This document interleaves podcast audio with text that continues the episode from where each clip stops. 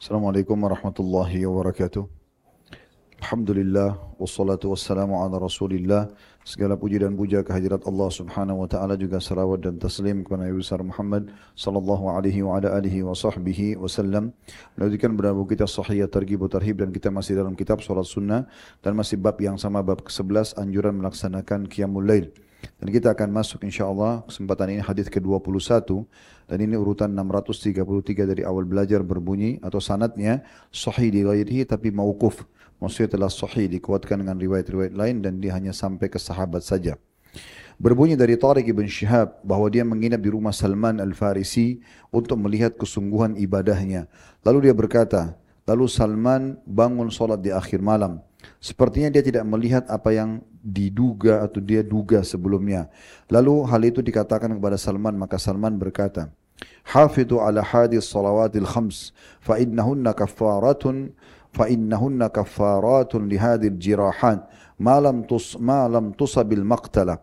فإذا صلى الناس الإشاء صدروا عن ثلاث عن, عن ثلاث منازل منهم من عليه ولا له ومنهم من له ولا عليه ومنهم من, من لا له ولا عليه. فرجل اكتنم, اكتنم ظلم ظلمة الليل وقفلة الناس فركب فرسه في المعاصي. فذلك عليه ولا له. ومن له ولا عليه فرجل اغتنم ظلمة الليل وغفلة الناس فقام يصلي. فذلك له ولا عليه. ومن لا له ولا عليه. فرجل صلى ثم نام فذلك لا له ولا عليه إياك والحقحق وعليك بالقصد وداوم Terjemahannya kata Salman Al-Farisi kepada Tariq ibn Shihab, seorang tabi'in yang menginap di rumahnya, jagalah salat lima waktu ini Karena sungguhnya solat lima waktu itu adalah pelebur bagi luka-luka atau dosa-dosa kecil. Eh, selama pembunuhan atau dosa besar tidak dilakukan. Dan apabila orang-orang telah usai solat isya, maka mereka menempati tiga kedudukan. Di antara mereka ada yang menanggung dosa dan tidak mendapatkan pahala. Di antara mereka ada yang mendapatkan pahala dan tidak menanggung dosa. Dan di antara mereka ada yang tidak mendapatkan pahala, tidak juga menanggung dosa. Jadi ada tiga golongan. Seseorang yang memanfaatkan gelapnya malam dan lengahnya manusia lalu dia mengendarai kudanya untuk melakukan perbuatan maksiat, maka orang ini golongan pertama yang menanggung dosa dan tidak mendapatkan pahala. Lalu golongan yang kedua adalah orang yang mendapatkan pahala dan tidak menanggung dosa. Ialah orang yang memanfaatkan gelapnya malam dan lengahnya manusia kemudian dia bangun melaksanakan solat. Maka dia mendapatkan pahala dan tidak menanggung dosa. Sementara golongan ketiga adalah orang yang tidak mendapatkan pahala dan tidak juga menanggung dosa. Ialah orang yang sholat isya kemudian tidur. Maka dia tidak menanggung pahala, tidak mendapatkan pahala dan tidak pula menanggung dosa. Dan jauhilah sikap tergesa-gesa atau berlebih-lebihan dan hendaklah engkau memilih sikap yang sedang-sedang saja lalu lakukanlah itu secara kontinu. Ini diriwayatkan oleh At-Tabaran dalam Mu'jamul Kabir secara mauquf dan sanatnya dikatakan la ba'sabihi atau bisa diterima dan juga beberapa menyatakan marfu atau sampai kepada Nabi sallallahu alaihi wa alihi wasallam.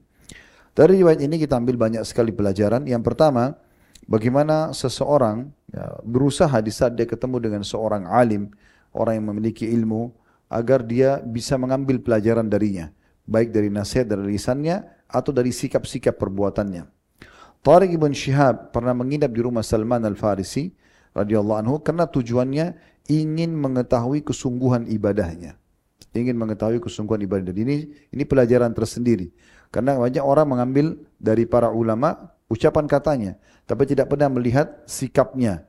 Ya, bagaimana dia bermuamalah dengan istrinya, dengan anak-anaknya, bagaimana dia mengerjakan sholat malam, atau mungkin dia tidak pernah safar bersama-sama, sehingga tidak pernah tahu tentang kondisi-kondisi dan uh, perbuatan-perbuatan yang dia rahasiakan secara pribadi.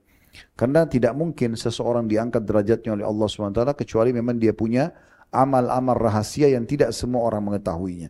Apalagi dia kontinu lakukan.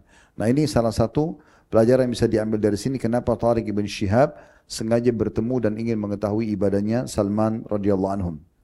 Pelajaran kedua dari hadis adalah wasiat yang disampaikan oleh Salman yaitu hafidhu ala hadis salawatil khams jagalah selalu solat lima waktu itu sudah kami jelaskan ada tiga poin, tepat waktu, tepat gerakan dan tepat bacaan.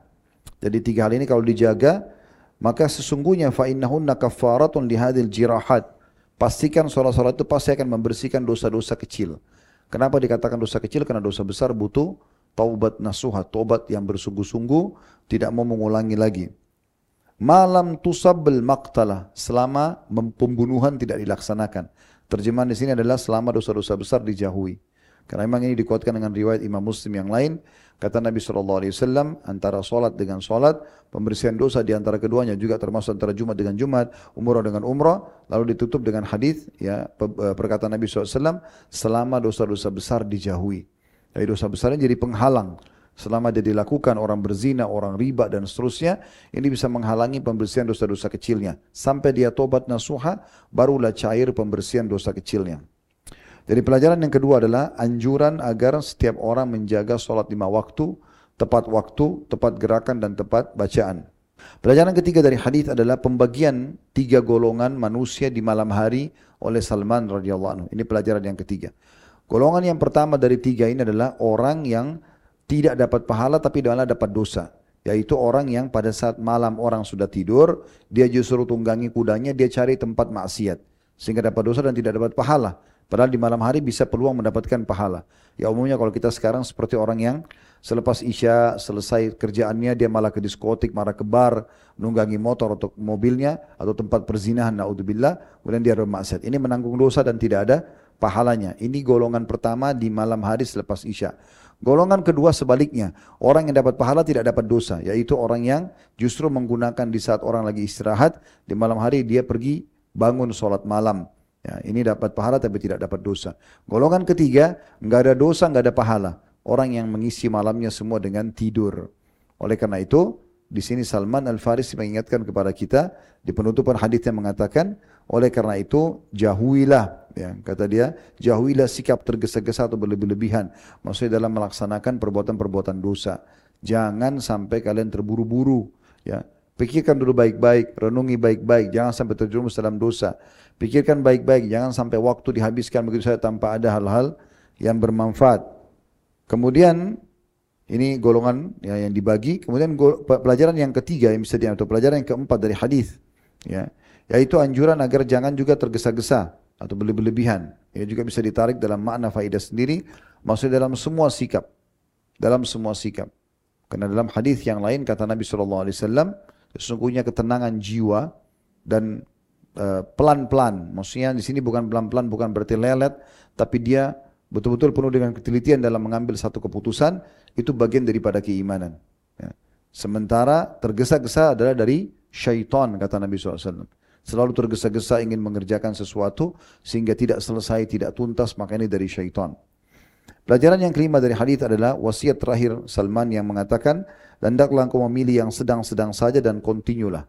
Maksudnya sedang-sedang saja di sini adalah yang mudah untuk kamu lakukan ya dan juga bisa kontinu dalam mengerjakannya baik dalam hal ibadah atau aktivitas duniawi tentunya. Allahu alam. Ini bisa kita bahas pada kesempatan ini semoga bermanfaat insyaallah. Subhanakallahumma bihamdika asyhadu an la ilaha illa anta astaghfiruka wa atubu ilaik. Assalamualaikum warahmatullahi wabarakatuh.